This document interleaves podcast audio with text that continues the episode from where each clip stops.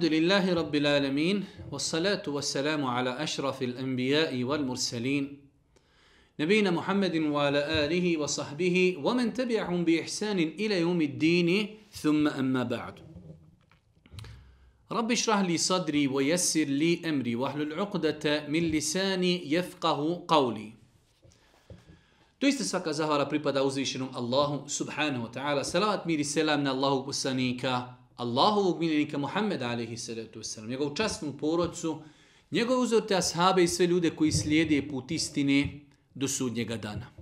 Uvažne braće i poštovane sestre, uvaženi gledatelji, evo nas u još jednu emisiju koju se družimo sa odabranim kuranskim ajetima.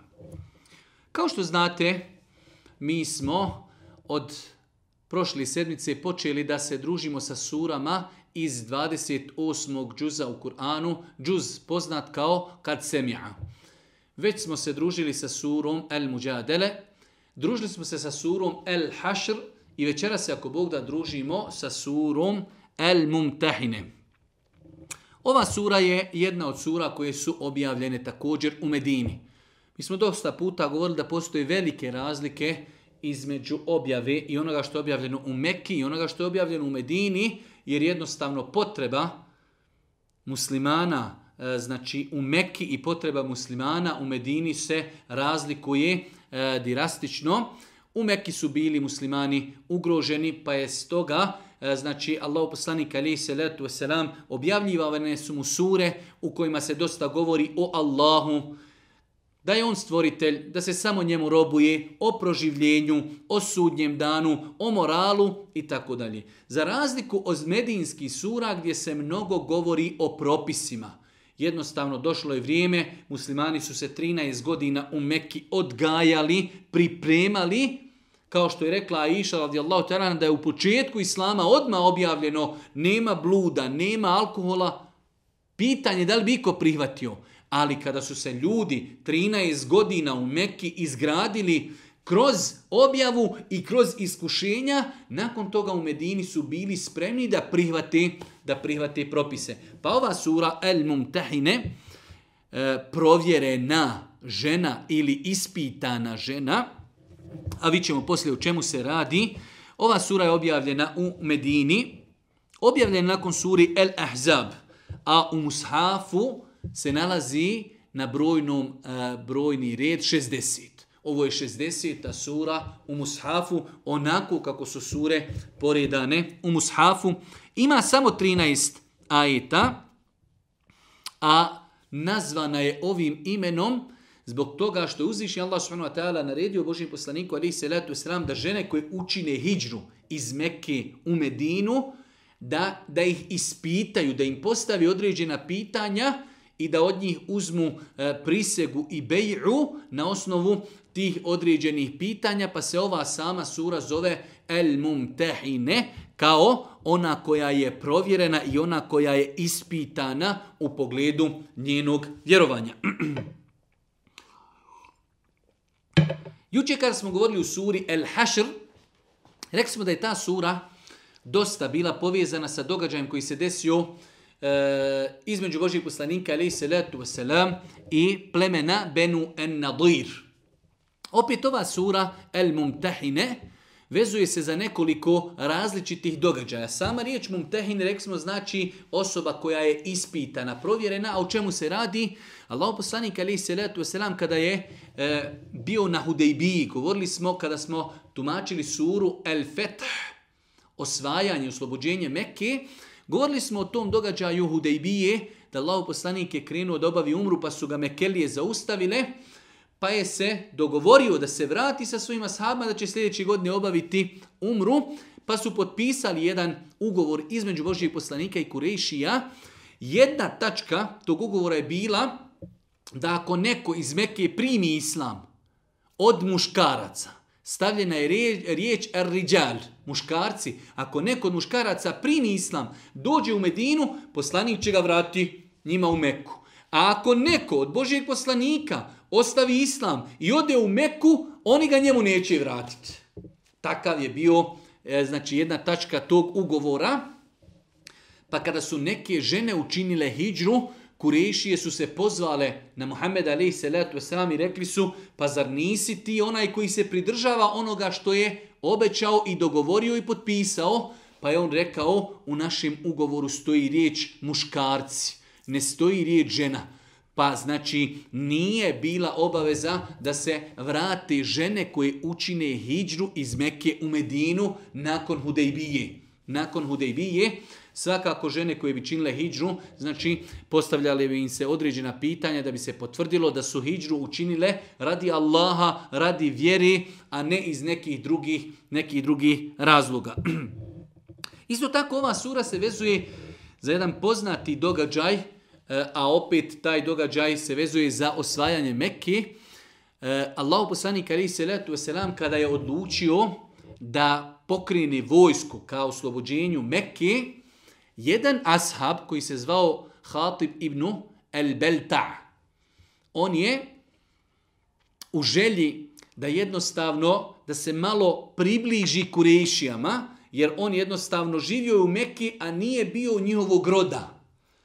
Pa je želio da jednostavno kod njih ima neki poseban privilegij, pa je po jednoj ženi poslao pismo Kurešijama u, kojima, u kojim je obavijestio Kurešije, da će Muhammed alaihi salatu wasalam doći sa vojskom i da napada Meku, pa je to saznao Allah poslanik alaihi salatu wasalam kao što je, inša Allah, sada ćemo spomenuti u jednoj vjerodostojnoj predaji, pa se ova sura, njen početak, vezuje za ovaj događaj sa ovim ashabom koji je želio, nije bio licemjer, jer nije bio otpadnik od vjere, nije mrzio poslanika, ali jednostavno tako je sebi znači protumačio, jer većina ljudi koji su činili hijđu iz Mekke u Medinu, imali su nekoga u Mekke od rodbine i prijatelja koji su mogli paziti na njihove neke rođake u Mekke.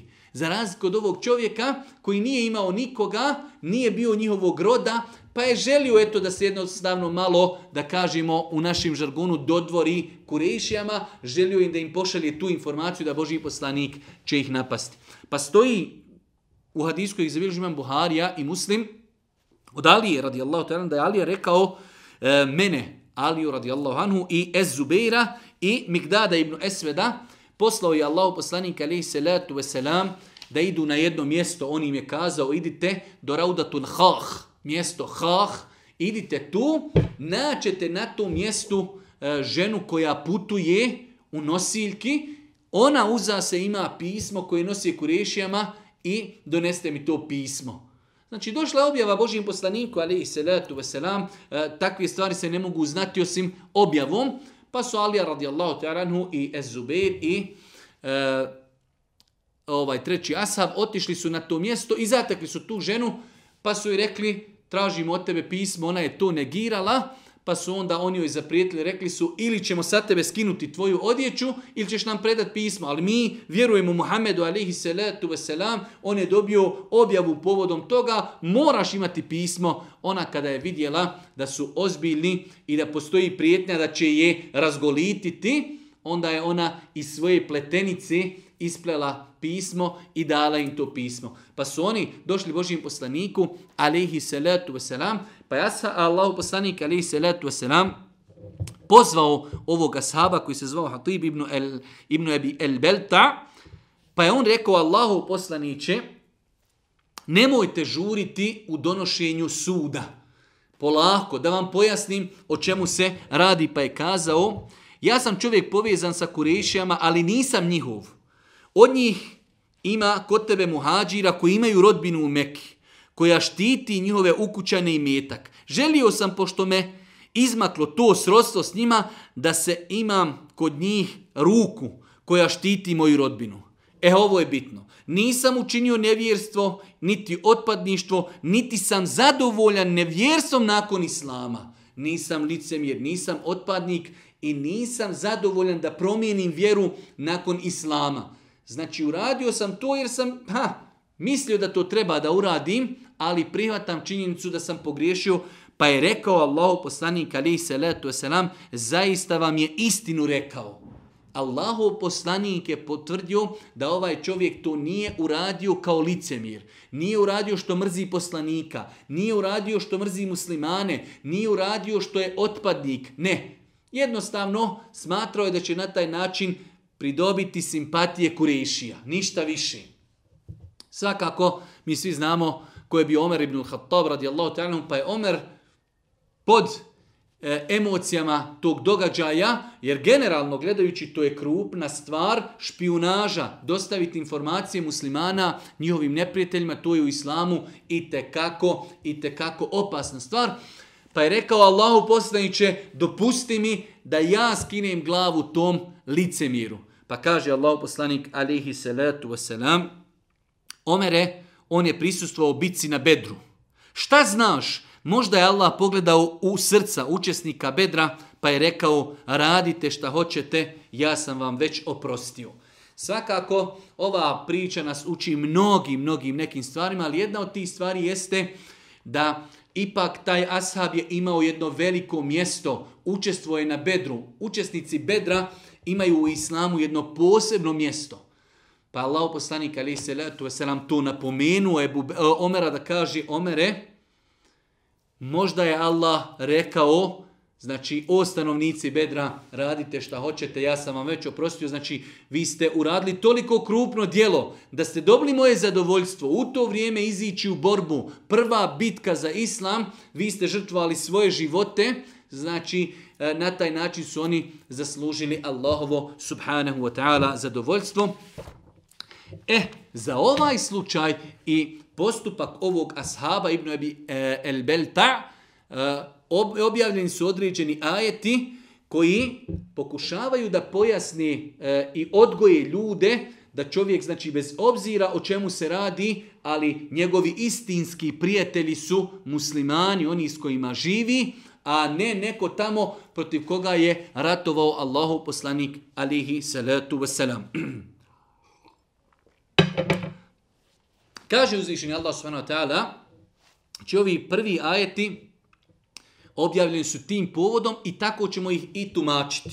Ja i ledine amenu la tetehidu aduvi wa aduvekum eulija, tulkune ilihim bil mevode, wa kad keferu bima džajeku min ilhaq. يخرجون الرسول وإياكم أن تؤمنوا بالله ربكم إن كنتم خرجتم جهادا في سبيلي وابتغاء مرضاتي تسرون إليهم بالمودة وأنا أعلم بما أخفيتم وما أعلمتم ومن يفعله منكم فقد ضل سواء السبيل Prva تري آية ove sure, sure El Mumtahine, o vjernici. Allah Žešanu se obraća vjernicima. Rekli smo u Mekki, dosta puta ajeti su o ljudi. Dok u Medini gotovo. Ljudi su učinili hijđru i uzvišeni Allah se obraća vjernicima. O vjernici, ako ste pošli da se na putu mome borite i da naklonost moju steknete, s mojim i svojim neprijateljima ne prijateljujte. I ljubav im ne poklanjajte. Oni poriču istinu koja vama dolazi i izgone poslanika i vas – samo zato što u Allaha gospodara vašeg vjerujete. Kada smo govorili u suri e, e, u suri El Mujadele u posljednjem ajetu pa smo govorili o toj e, međumuslimanskoj vezi. S druge strane, e, najveći grijeh kojeg insan može počiniti na planeti jeste kufr, nevjerstvo, širk. Pa uzvišeni Allah poziva vjernike da se međusobno vole zbog teuhida, zbog monoteizma, a isto tako da preziru nevjerstvo, jer je to najveći, najveći grijeh koji se može počiniti. Pa kaže uzvišeni Allah subhanu wa ta'ala, oni poriču istinu koja vama dolazi i izgone poslanika i vas samo zato što Allaha, gospodara zemlje i nebesa, vjeruje, vjerujete. Razlog to što oni ratuju protiv vas. Razlog što ste učinili hijđru, što su vas istjerali. Jer Boži poslanik je rekao kada izlazu iz Mekke da me moj narod nije istjerao. Da me nisu ovoliko torturisali. Nikad ne bi otišao. I nažalost, nažalost, znači e, kroz historiju koliko puta se ponavlja ta stvar, a to je da su ljudi protjerivani, da su ubijani samo zato što su vjerovali u Allaha subhanahu wa ta'ala i sura uh, El Buruđ koju ćemo ako Bog da nekada u džuz amme komentarisati. Allah Đelšanu kada govori o ljudima prijašnjih naroda kaže a nisu im se osvećivali osim zato što su vjerovali u Allaha silnoga. Pa je kroz historiju, znači, bilo dosta puta da su ljudi ubijani, protjeravani, samo zato što su vjerovali u Allaha subhanahu wa ta'ala. Kaže uzvišeni Allah, vi im krišom ljubav poklanjate. Vi im odajete informacije. Vi im krišom ljubav poklanjate. A ja znam ono što tajite i ono što javno činite. Onaj od vas poklanjate koji to bude činio s pravog puta je skrenuo. Čovjek treba da vjeruje, treba da zna. Uzvišeni Allah i o tome neprestano govorimo. Juče smo o tome govorili na kraju sure El Hašr, kada e, o, o ajetima koji opisuju Allaha subhanahu wa ta'ala. Uzvišeni Allah zna šta je u našim srcima, šta je u našim mislima, šta javno govorimo, šta tajno radimo. Pa kada insan se dodvorava, E, neprijateljima, to uzvišeni Allah subhanahu wa ta'ala i kako dobro poznaje. Ako vas se oni domognu, ako vas se domognu kurešije, ako vas se domognu vaši neprijatelji, bit će neprijatelji vaši i pružat će prema vama u zloj namjeri ruke svoje i jezičine svoje. Ruke tako što će vas ubijati, a jezike što će vas vrijeđati. I jedva će dočekati da postanete nevjernici i jedva će dočekati da postanete nevjernici. Određeni ljudi ne mogu da pomire se, a nažalost kroz historiju to se veoma često i mnogo puta ponavljalo, da ljudi ne mogu da shvate da je neko privatio islam. Ne mogu da se pomire s time. Koliko imamo i danas slučajeva gdje ljudi koji jednostavno imaju svoje pravo, koji im je zagarantovalo na cijeloj planeti, žele da prime islam, ne smiju zato što se boje da će im neko nauditi. Pa kaže uzvišeni Allah subhanu wa ta'ala, i jedva čekaju da postanete nevjernici. Jedva čekaju vaši neprijatelji da vas se dokopaju, da vas ubijaju, da vas jezicima svojim vrijeđaju i jedva čekaju da postanete nevjernici ni rodbina vaša, ni djeca vaša. Neće vam biti od koristi na sudnjem danu, on će vas razdvojiti i među vama presuditi, a Allah dobro vidi ono što radite. Ni rodbina vaša. Čovjek ne smije da se zavede, ne smije da bude zaveden i obmanjen. Niti zbog imetka, niti zbog rodbine, ne smijem ostaviti svoje ubjeđenje, svoje uvjerenje, ako vjerujem da uzvišeni Allah je gospodar zemlje i nebesa, ako vjerujem u Muhammeda alihi salatu wasalam, onda ne smijem se zavaravati dunjalukom i dunjalučkim, dunjalučkim izazovima. Ne smije me to spriječiti da ja jednostavno kažem ko sam i šta sam. Pa kaže uzvišeni Allah, odgajajući ljude, da ih dunjaluk ne zavede. Danas ćemo vidjeti velik broj ljudi, ostavlja namaz, iz određenih dunjalučkih interesa, ostavlja post iz dunjalučkih interesa, to te na sudnjem danu neće spasiti. Na sudnjem danu insana će spasti njegova dobra djela, na sudnjem danu će ga spasti njegova pokornost, na sudnjem danu će ga spasti njegovo vjerovanje. Pa Allah Žešanu kaže... Len tenfa'akum arhamukum, wala uladukum, jeumel qiyameti. Ni rodbina vaša, ni djeca vaša, kada dođe sudnji dan, jeume je firru l-mar'u min ahihi, wa ummihi wa abihi, wa sahibetihi wa benihi. Tog dana čovjek će bežati od supruge svoje, od majke, od oca, od brata, od sve najbližih ljudi čovjek će bježati da ne bi ko od njega šta zatražio. Svako će biti zauzet svojim problemima. Nemoj da misliš da će ti neko na sudnjem danu pomoći. Niti i metak kojeg insan stiči. Neki dan čitam u komentarima na Facebooku, kaže čovjek, ma ja sam spreman u džehennem, ali hoću da ostavim kuću e, na kamatni kredit uzeti u svojoj djeci. E, moj insanu, niko ti ne osporava da ti ostaviš svojoj djeci kuću da je zaradiš na halal način. Ali ti da kažeš ja sam spreman goriti zbog svoje djece, pokajaćeš se. Sigurno, uzmi ruku danas i stavi je u špore. Stavi u vatru pa ćeš vidjeti možeš li trpiti. Džehennemska vatra je teža 70 puta od dunjalučke vatri. Laži, prevario je se u tim svojim riječima. Samo ga je šetan zaveo.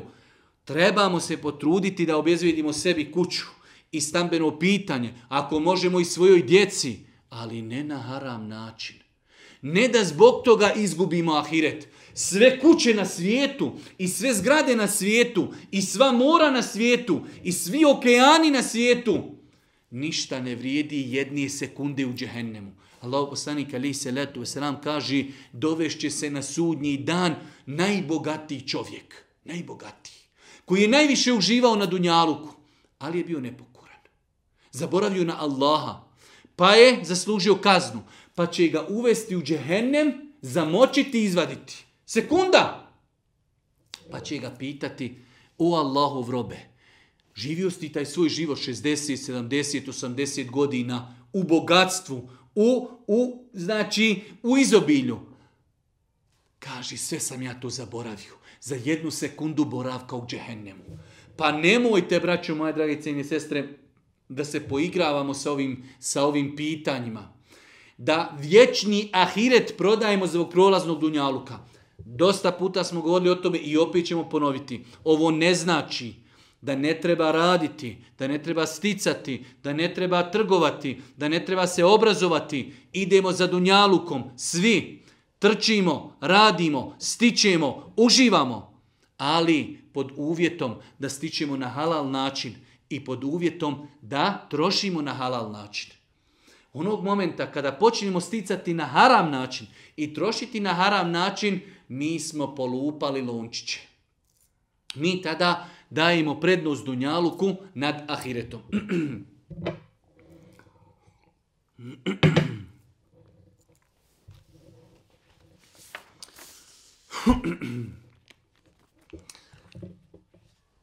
Nakon što je uzvišnji Allah s.w.t.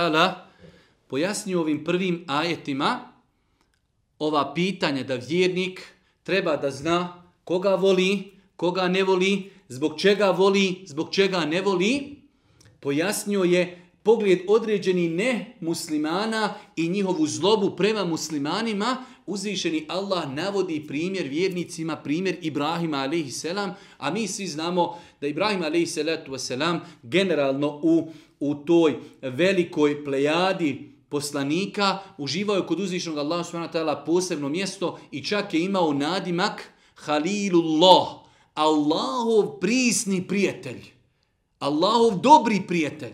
Pa ga uzvišeni Allah navodi kroz Kur'an dosta puta kao primjer monoteizma, kao primjer kako je bio čvrst na istini, kako se je bio spreman odreći svoga oca, odreći u pogledu ideologiji, Jer mnogo puta mi imamo imamo problem taj kada je u pitanju da nekoga volimo, a isto tako nekoga ne volimo, a i da se prema nekome lijepo ponašamo.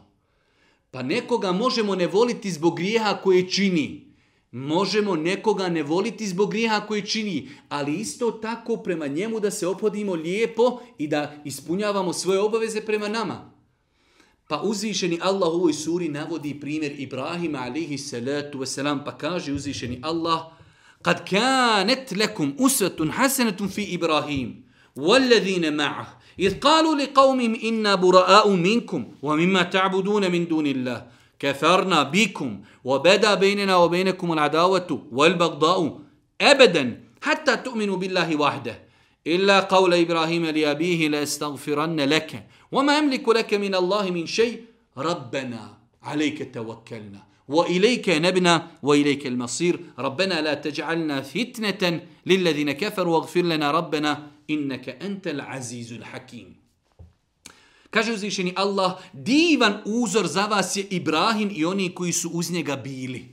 Divan uzor vam je Ibrahim, njegov život, Znači, veliki primjer kako Ibrahim alihi salatu wasalam ustrajao na ispravnom vjerovanju, na monoteizmu. Njegovi su narodnjaci odbijaju istinu. Njegov otac odbija istinu, ali je Ibrahim ostao čvrst. Pa ga uzvišeni Allah navodi u Kur'anu kao primjer osobe koja je istinski robovala Allahu. Ljude je vrednovala kroz vjeru prema Allahu.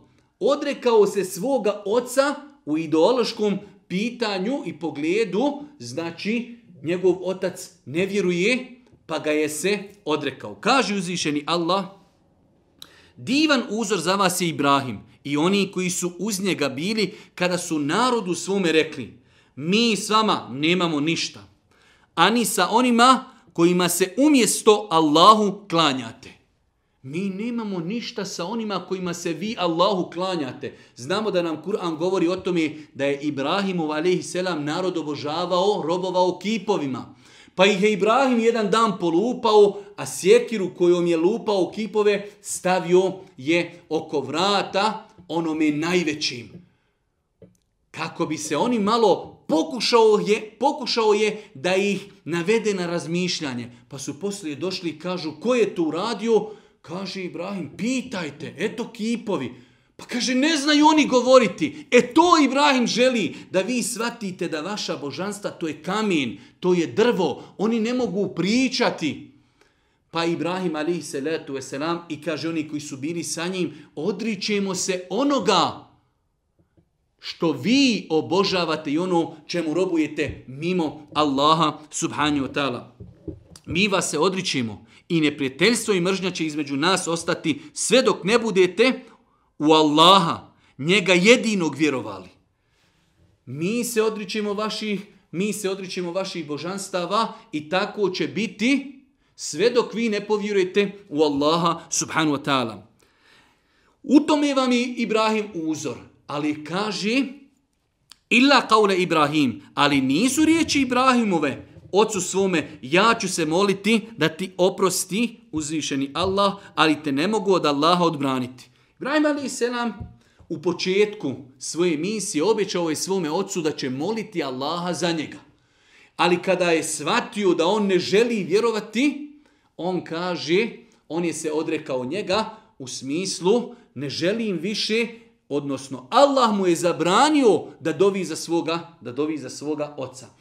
Pravilo koje treba da poznajemo na osnovu ovog ajeta i drugih hadisa Božih poslanika ali se letu selam nama muslimanima je dozvoljeno doviti za nemuslimane dok su živi.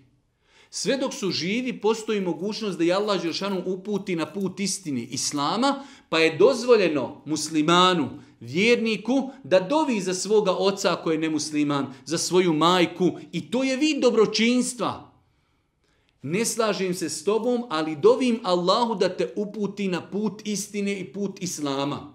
Pa je dozvoljno, moramo zapamtiti, znači da je dozvoljno čovjeku, vjerniku, ako ima rođake, prijatelje, poznanike, roditelje, koji ne vjeruju, nisu muslimani, dozvoljeno je doviti Allahu za njih, da ih Allah uputi sve dok su živi. Ali onog momenta kada oni umru u nevjerstvu, tog momenta više zabranjeno je dobiti za njih, jer po ubjeđenju vjernika oni zaslužuju vatru, džehennem i nema nikakve koristi više da dovimo za njih.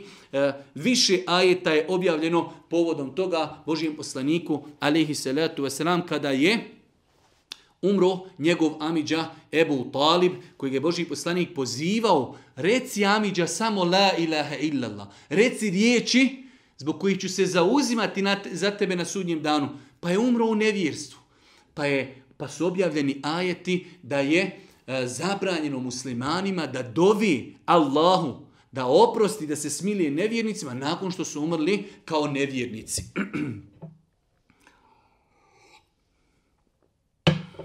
Kaže uzvišeni Allah u četvrtom ajetu, Rabbena, La teđalna fitneten lillezine keferu vagfir lena rabbena inne kentel azizul hakim. Ne dopusti gospodaru naš da nas nevjernicima staviš u iskušenje. I oprosti nam gospodaru naš, ti si zaista silni i mudri. Gospodaru, nemoj da nas učiniš da smo mi izazov i da smo mi Iskušenje nevjernicima. Kako vjernik može biti iskušenje nevjernicima? Kažu mu Fesiri u ovom ajetu. Vjernici dovi u ovom ajetu, da je to osobina vjernika, da mole Allaha da ne učini da su vjernici iskušenje nevjernicima. Kako vjernik može biti iskušenje nevjernicima? Kažu mu Fesiri, nemoj gospodaru da njima daš pobjedu nad nama, U datom momentu, jer muslimani, znači, može se desiti da od nemuslimana izgube u, u datom momentu. Nemoj gospodaru, to će njima biti izazov, jer će oni tada misliti da su pobjedili zbog ispravnosti onoga na čemu su oni.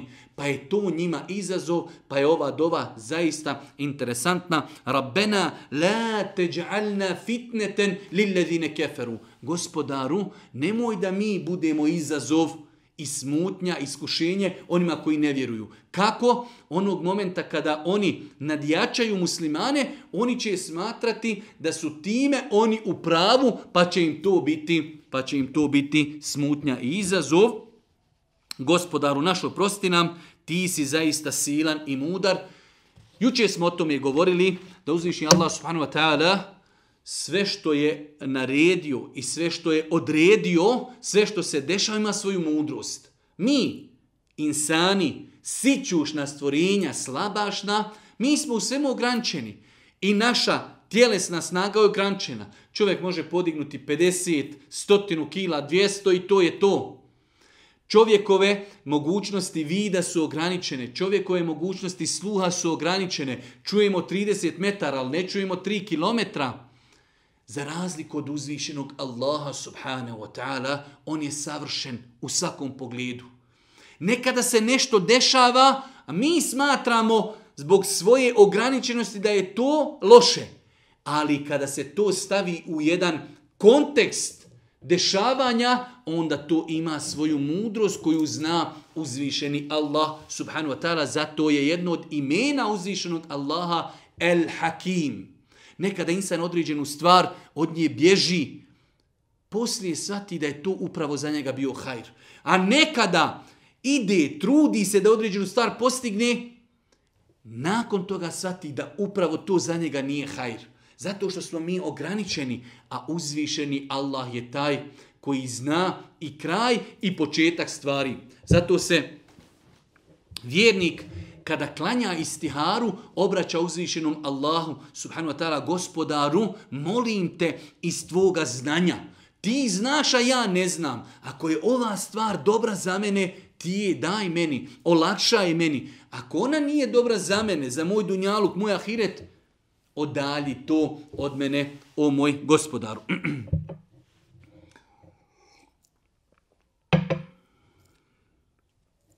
Nakon toga u šestom ajetu uzvišen Allah subhanahu wa ta'ala kaže Asa Allahu en jeđa'ale bejnekum wa bejne alladhina adejtum minhum mevadde. Wallahu qadir, wallahu gafurur rahim. Allah će sigurno uspostaviti ljubav između vas i onih kojima ste, s kojima ste u zavadi. Allah je svemoćan, Allah mnogo prašta i on je samilostan. Allah će između vas uspostaviti I neki ljudi koji su trenutno u nevjerstvu uspostaviti ljubav u smislu Allah će dati da će primiti islam. Allah je svemoguć pa ćete ih voljeti.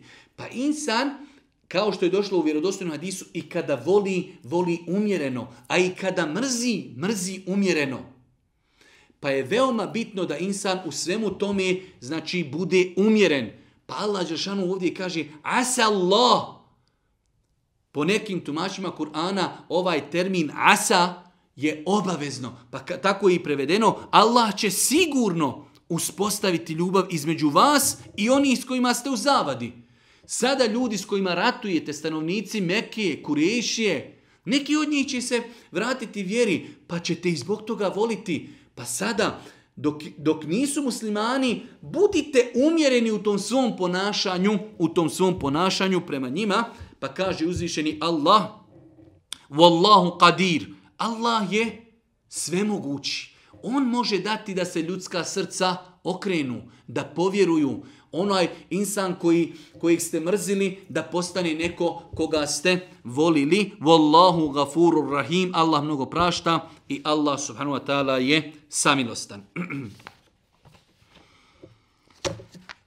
Nakon toga u ovoj suri, El Mumtehine, uzvišnji Allah subhanahu wa ta'ala u dva ajeta postavlja veliko pravilo nama muslimanima kako da se ponašamo prema nemuslimanima. Nažalost, velik broj ljudi odlazi iz jedne u drugu krajnost. Imamo nemuslimane koji nisu ratoborni prema muslimanima, Prema takvim ljudima čovjek treba da bude dobročinitelj, da im čini dobročinstvo, da ispunjava njihove, e, znači svoje obaveze prema njima. Čovjek musliman živi u Sarajevu, ima komšiju nemuslimana, treba da bude prema njemu pošten, da bude nasmijan, da mu čini dobročinstvo, ako mu šta može pomoći, da ako nekoga uznemirava, da ga spriječi i tako dalje. Hvala uzvišenom Allahu, to je naša vjera, to su, to su principi ove naše vjeri da muslimani koji nisu ratoborni, koji ne ubijaju muslimane, islam nama naređuje i dozvoljava da budemo prema tim ljudima plemeniti, dobri, pošteni, da znači jednostavno, da jednostavno se opodimo prema njima na najljepši mogući način. To je ono čemu nas uči islam. Pa kaže uzvišeni Allah, e, imamo s druge strane kategoriju nemuslimana koji ubijaju muslimane, koji su ratoborni prema muslimanima, koji, e, koji protjeravaju muslimane. Normalno da prema takvim ljudima čovjek neće činiti dobročinstvo. Kako činiti dobročinstvo nekome koji je jučer ubio ili protjerao tvoga brata muslimana sa njegovog, sa njegovog topraka? Pa kaže uzvišeni Allah, La jenhakumu Allahu ani ledine, lem ju katilukum fid din, wa lem ju hriđukum in diarikum, ente barruhum, wa tokositu ilihim, inna Allahe yuhibbul muqsitin. Allah vam ne zabranjuje da činite dobro, i da budete pravedni prema onima koji ne ratuju protiv vas zbog vjeri i koji vas ne izgone iz zavičaja vašeg, Allah zaista voli one koji su pravični. Allah vam ne zabranjuje da im činite dobro. Allah poslanik ali se letu vaselam kada je u svojim mnogim hadisima govorio o, vrije, o bitnosti komšije, nikada nije rekao, e, eh, ako je komšija musliman, budi prema njemu dobar, ako je nemusliman, budi loš hadisi u kojima se govori o vrijednosti komšije uvijek obuhvataju i muslimana i nemuslimana. Lijepo obhođenje prema, e, prema komšiji. E, do te mjere kaže Allah poslanik, pomislio sam, pomislio sam da će komšija biti nasljednik. Pa, znači prva kategorija ljudi koji nisu ratoborni prema muslimanima, nemuslimani, prema njima činimo dobročinstvo, nasmijani smo, vedri smo, možemo li pomoć, suzdržavamo se od bilo kakvog uznemiravanja.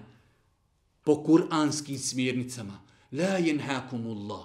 Allah vam ne zabranjuje da budete prema njima, kaže uzvišenje, Allah vam ne zabranjuje da činite dobro i da budete pravedni prema onima koji, rat, koji ne ratuju protiv vas zbog vjere i koji vas ne izgone iz vaših zavičaja, Allah zaista voli one koji su pravični. Da budete pravedni, Nepravedno je to da čovjek ima komšiju nemuslimana pa mu proda pokvareno auto zato kao možda što je nemusliman. Nije to pravda. Allah voli pravedne. Budi pravedan prema muslimanu i budi pravedan prema nemuslimanu. Ali, kaže, ali vam zabranjuje da prijateljujete sa onima koji ratuju protiv vas zbog vjeri i koji vas iz zavića vašeg izgone i koji pomažu da budete prognani. Oni koji s njima prijatelju sami sebe sami sebi nepravdu čini. Allah vam zabranjuje da budete prijatelji s takvima koji vas ubijaju, koji vas protjeruju, koji pomažu da budete ubijeni i protjerani. Onaj ko bude tako učinio, ta je sam sebi nepravdu učinio. Nakon toga, uzvišnji Allah subhanahu wa ta'ala pojašnjava vjernicima propise o kojima smo govorili na početku, a to je u tom periodu početak Islama, muslimani su znači učinili hijđru iz Mekke u Medinu, ostaju te neke veze. Imamo ljudi koji su muškarci primili islam, učinili su hijđu, a supruge su im ostali u Mekki i obrnuto. Imamo nemuslimana čije su žene muslimanke otišle u, u Medinu, pa Allah Đeršanu govori o tim propisima vezanim za e, bračno pravo i obaveze između muslimana i nemuslimanke. I odnosno između muslimanke i nemuslimana. Sve četiri verzije muslimanka sa nemuslimanom, nemusliman e, sa muslimankom.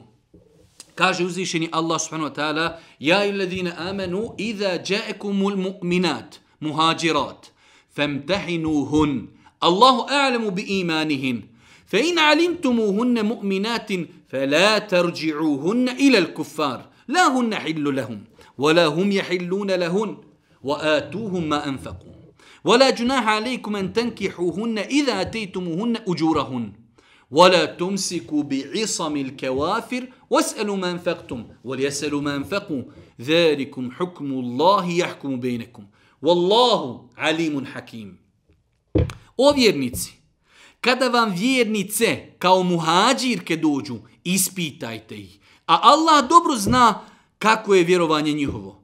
Pa ako se uvjerite da su vjernice, onda ih ne vraćajte nevjernicima.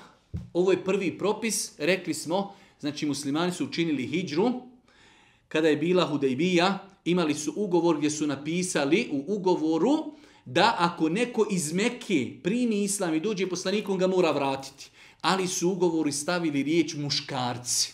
Pa to nije obuhvatalo žene, pa uzvišeni Allah Žešan kaže kada vam vjernice dođu, vjernice, muhađirke, učinile su hijđru radi Allaha, radi poslanika, pitajte zbog čega su to uradile, ako shvatite da su došle radi vjeri, ne iz nekih dunjalučkih interesa, nemojte ih vraćati tamo njima.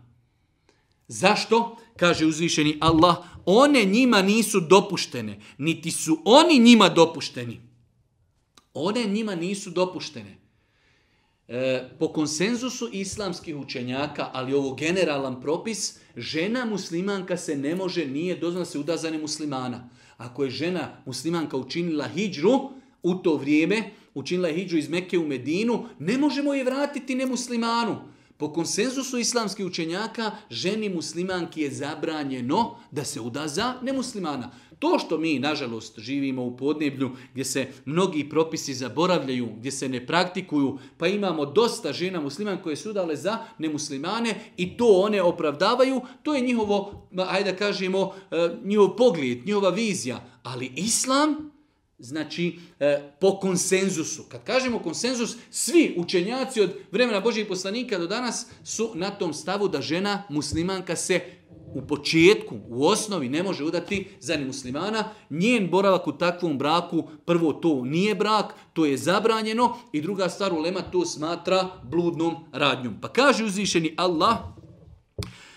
pa ako se uvjerite da su vjernice, onda ih ne vraćajte nevjernicima one njima nisu dopuštene, niti su oni njima dopušteni, a njima podajte ono što su potrošili. Njima podajte ono što su potrošili njihovim muževima koji su ostali u Mekki, oni su njima, kada su sklapali brak, davali su im vjenčani dar, mehr.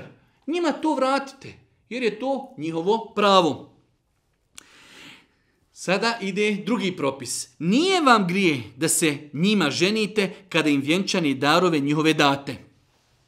Nije vama grijeh, o muslimani, da žena muslimanka koja je došla, učinila je hijđru, ostavila je ostavila je svoga muža nevjernika, došla je u Medinu, učinila je hijđru, prihvatili ste je, sačeka se taj period takozvani idet priček, nakon toga se ona udaje kao svaka druga žena sa saglasnošću svoga e, staratelja i uz davanje vjenčanog dara. To su ti uvjeti da bi validan brak bio. Ali uzvišeni Allah iznad sedam nebesa pojašnjava vjernicima kada dođe žena koja učinila hijđru, ispitajte, ako se uvjerite da je došla učinila hijđru zbog vjere, ostavite i nemojte je vraćati njihovim muževima, vratite i meta koji su oni njima dali na ime mehra, vi imate pravo da se oženite kada one protekni taj mehr, kada protekni taj idet, period pričeka, nakon toga uz oni klasični standardni uvjete braka, el wali staratelj, njena saglasnost i davanje bračnog poklona, vjenčanog poklona, takozvanog mehra. Kaže uzvišeni Allah, وَلَا تُمْسِكُ بِعِسَمِ الْكَوَافِرِ U braku mnogo boškinje ne zadržavajte. Sada drugi propis – O muslimani, vi nemojte u braku da živite sa ženama nemuslimankama. Rekli smo malo prije, muslimanka ne može se udati za nemuslimana. Može li nemuslimanka biti sa muslimanom? Ne može ako je, ako je e, mušrikinja. Nemuslimani se dijele u dvije kategorije. Imamo ehlul kitab, a to su kršćani i židovi. I imamo one druge koji znači čine, e, robuju kipovima, robuju, znači jednostavno mušrici od širk, mnogobošci, mnogobošci sa njima muslimani ne mogu stupiti u brak. Allah Đelešanu je u pogledu braka napravio izuzetak pa je muslimanu dozvoljeno da oženi kršćanku ili židovkinju pod uvjetom da je čestita i moralna ako se o njoj zna da je čestita i moralna, muslimanu je dopušteno da oženi i u današnje vrijeme kršćanku ili židovkinju. Iako su islamski učenjaci, bez obzira što je to dopušteno, E, smatrali da vjernik bi trebao da, da to izbjegava maksimalno. Zašto? Ne iz razloga što to nije dopušteno, samo zbog toga što će to u budućnosti čovjeku predstavljati mnoge probleme. Sutra će se roditi djeca, pa kako ćemo naditi ime djeci, pa gdje će ići, oće li ići ili u crkvu ili će ići u džamiju, pa propisi halal meso, haram meso, hoćemo na more, hoćemo muziku i mnoge druge stvari. Osnovna zadaća majke je da odgaja dijete. Kako majka može odgojiti dijete da vjeruje u Boga, a ona se ne deklariše tako? Tako da, e, islamski učenjaci su spomenuli na osnovu kuranskih ajeta da je dozvoljeno muslimanu da oženi ehlul kitabiku ili kršćanku ili židovkinju pod uvjetom da je moralna i čestita, ali opet je to svakako bolje izbjegavati iz razloga koje smo spomenuli. Pa kaže uzvišenj Allah, u braku mnogo boškinje ne zadržavajte.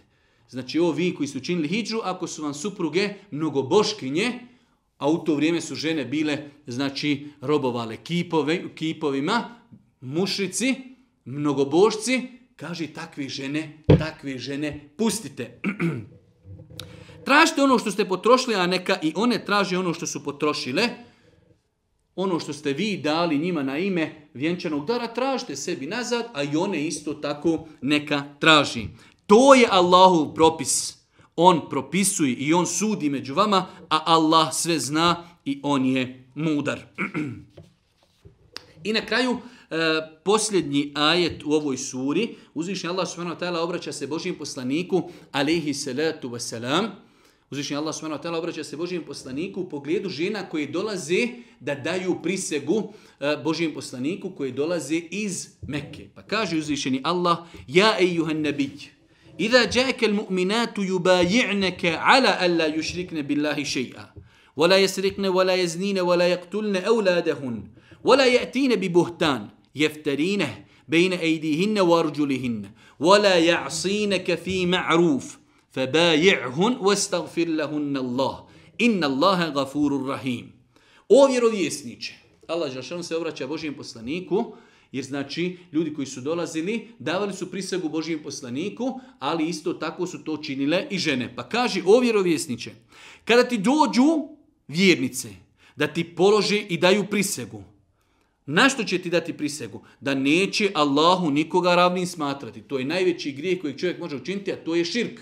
Smatrati nekoga ili nešto da je u bilo čemu u rangu sa uzvišenim Allahom subhanahu wa ta'ala.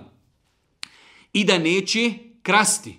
Daju ti prisegu da neće Allahu smatrati nikoga ravnim, da neće krasti i da neće bludničiti i da neće djecu svoju ubijati i da neće muževima tuđu djecu podmetati i da neće ni u čemu što je dobro poslušnost odricati. Ti prisegu njihovu prihvati i moli Allaha da im oprosti, Allah zaista mnogo prašta i on je milostiv. To su znači uvjeti pod kojim je Allahu poslanik prihvatao prisegu e, znači žena, vjernica koji su dolazile iz Mekke u Medinu. Da ponovimo još jednom koji su to, koji su to grijesi koje on tražio od njih da ne čine onog momenta kada postanu muslimanke i kada daju prisegu, kaže da neće, neka se obavežu da neće Allahu nikoga ravnim smatrati, da neće krasti, da neće bludičiti. Čak ima jedna predaja, u kojoj stoji da kada je Allah poslanik jednoj ženi kazao, ona je došla da dadne prisegu Božijem poslaniku, pa kaže daj prisegu i da nešto čini ti blud. Ona, iako u to vrijeme, znači u to vrijeme su žene bile slobodne žene i robinje. Slobodne žene su uvijek bile, znači, jedan veliki stepin iznad tih robinja. One su, robinje su ipak, po znanju znacima s aspekta morala, uvijek bile na nekoj drugom stepenu. Pa kaže ona Božijem poslaniku, Evo tezni hurra, zar je moguće da žena slobodna, koja nije robinja, uradi blud? Kao zar mi treba to da neko postavi uvjet? Neću činiti širk, neću krasti, neću blud činiti. Ona se čudi. Zar može moralna žena, slobodna žena, da uradi i počini blud? Pa kaži, i da neće bludničiti, i da neće djecu svoju ubijati i da neće mužima tuđu, tuđu djecu podmetati. Sve im to uvjetuje Allahu poslanik i da neće ni u čemu što je dobro poslušnost od, o, o, odbijati. Ti prisegu Allahu poslanik će njihovu prihvati i moli Allaha da im oprosti. Allah zaista mnogo prašta i on je milosti. Čak jedan moment kada u pitanju E, ta prisega Allahov poslanik muškarcima bi prisegu e, potvrđivao i rukama, dok kada su u pitanju žene, kaže Aisha radijallahu ta'ala, Allahov poslanik kada bi uzimao prisegu od žena, uzimao bi samo prisegu riječima. Ne bi se sa njima rukovao, jer u islamu nije dozvoljeno da se čovjek rukuje sa ženom koja mu, kojoj on nije trajni mahrem. Znači bliži rođak s kojim ona ne može trajno stupiti u brak. Nažalost, e, taj običaj danas od nemuslimana mnogo se je uvukao u muslimanske redove, pa ćemo vidjeti da muslimani znači su preuzeli od nemuslimana i te kako taj običaj rukovanja muslimanu nije dozvoljeno da se rukuje sa ženom kojoj on nije trajni mahrem. Znači imamo dva uvjeta, trajni i da joj je bliži rođak mahrem s kojim ona ne može nikada stupiti u brak. Sa takvom ženom koju je insan, muškarac, trajni mahrem, on može da se, može sa, može da se rukuje. I na kraju 13. posljednji ajet uzvišnji Allah kaže Ja ju ledina amenu la te tevallau qawmen gadib Allahu alihim kad jeisu min el ahira kema jeise el kufaru min ashabil kubur O vjernici, ne prijateljujte s ljudima koji su protiv sebe Allahu, Allahovu srđbu izazvali. Oni su izgubili nadu da će bilo kakvu nagradu na, onom, e, na ovom svijetu imati. Isto kao što su izgubili nadu nevjernici da će njihovi umrli živi, da će biti živi, da će se e, vratiti. Nemojte za prijatelje uzimati one na koje se rasrdio uzvišeni Allah.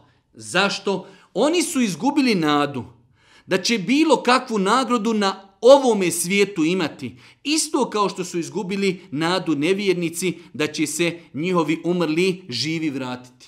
Kao što nevjernici izgubili su nadu da će njihovi umrli se vratiti nemoguće se insan vrati, oni su tako isto izgubili nadu da će imati kakvu nagradu zbog onoga što radi na Dunjaluku. Molim uzvišnjeg Allah subhanahu wa ta'ala na kraju ovog predavanja, da nas učiti na putu istine, da nam bude milostiv na sudnjem danu. Molim vas subhanahu wa ta'ala da nam oprosti grijehe, da nam bude milostiv i da nas uvede u džennet u društvu sa Allahim poslanikom alihi salatu wasalam. Na kraju subhanaka Allahumma bihamdike, ešhedu in la ilaha ila instakfiruke, واتوب اليك